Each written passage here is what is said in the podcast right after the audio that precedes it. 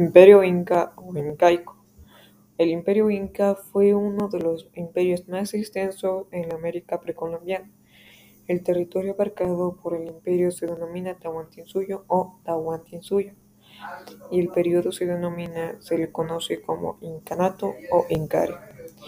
El Imperio inca fue fundado alrededor del siglo XV, en el año 1438. El Imperio inca fue establecido en América del Sur.